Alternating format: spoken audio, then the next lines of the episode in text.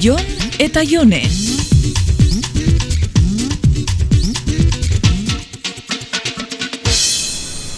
Nik egia esan nahiago dut horrela, eh? Zuk nahi dozun moduan. Zuri importa ez bazaizu behintzat. Nere gaitxik ondo, ba, laguntzarik behar badozu, Eh, lasai, moldatuko naiz. Berez, nahiago dut modantza guztia egun batean egitea. Handerrek lagunduko dit?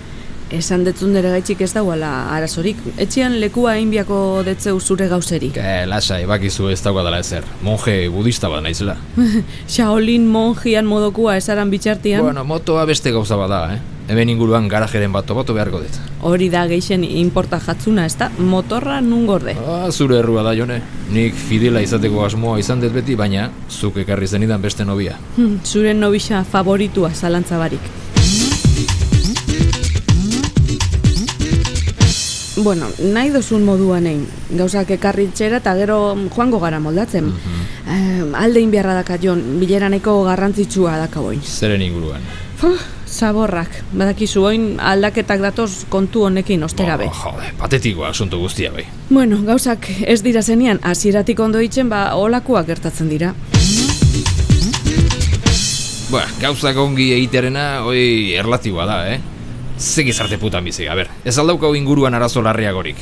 Betxu, beti alegindu naiz gai honen inguruan ez eztabaidatzen eta zurekin gitxi hau. Bueno, bakizu, ez da baten ostean sexu berrekonziliazioa datorrela. eh? Ba, oinguan zeuk bakarrik egin beharko dozuz pakiak.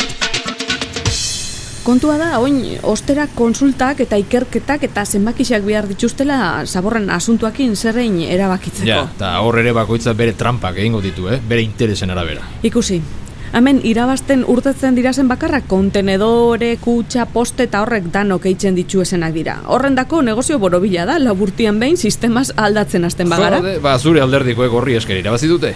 eta zure lagunak autokritikia kotxe aldizkarixetako atal bat dala pentsatzen dabe Bera, onduran. ba, egia esaten nahi behazu, zaborren kontuagati botua aldatu duten guzti horiek, beha zuentzako betirako, eh?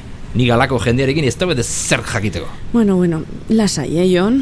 Bea, neri ere azkenean alderdin asuntu guzti hau, eta hauteskundena eta abar, iboli baltzeite. Bea, kanpoan izan naizen sortzi urteotan ez tet bat ere botorik eman. Ba, badakizu, boskatzen ez dabena gero ez daka kejatzeko eskubiderik? Nola ez ez.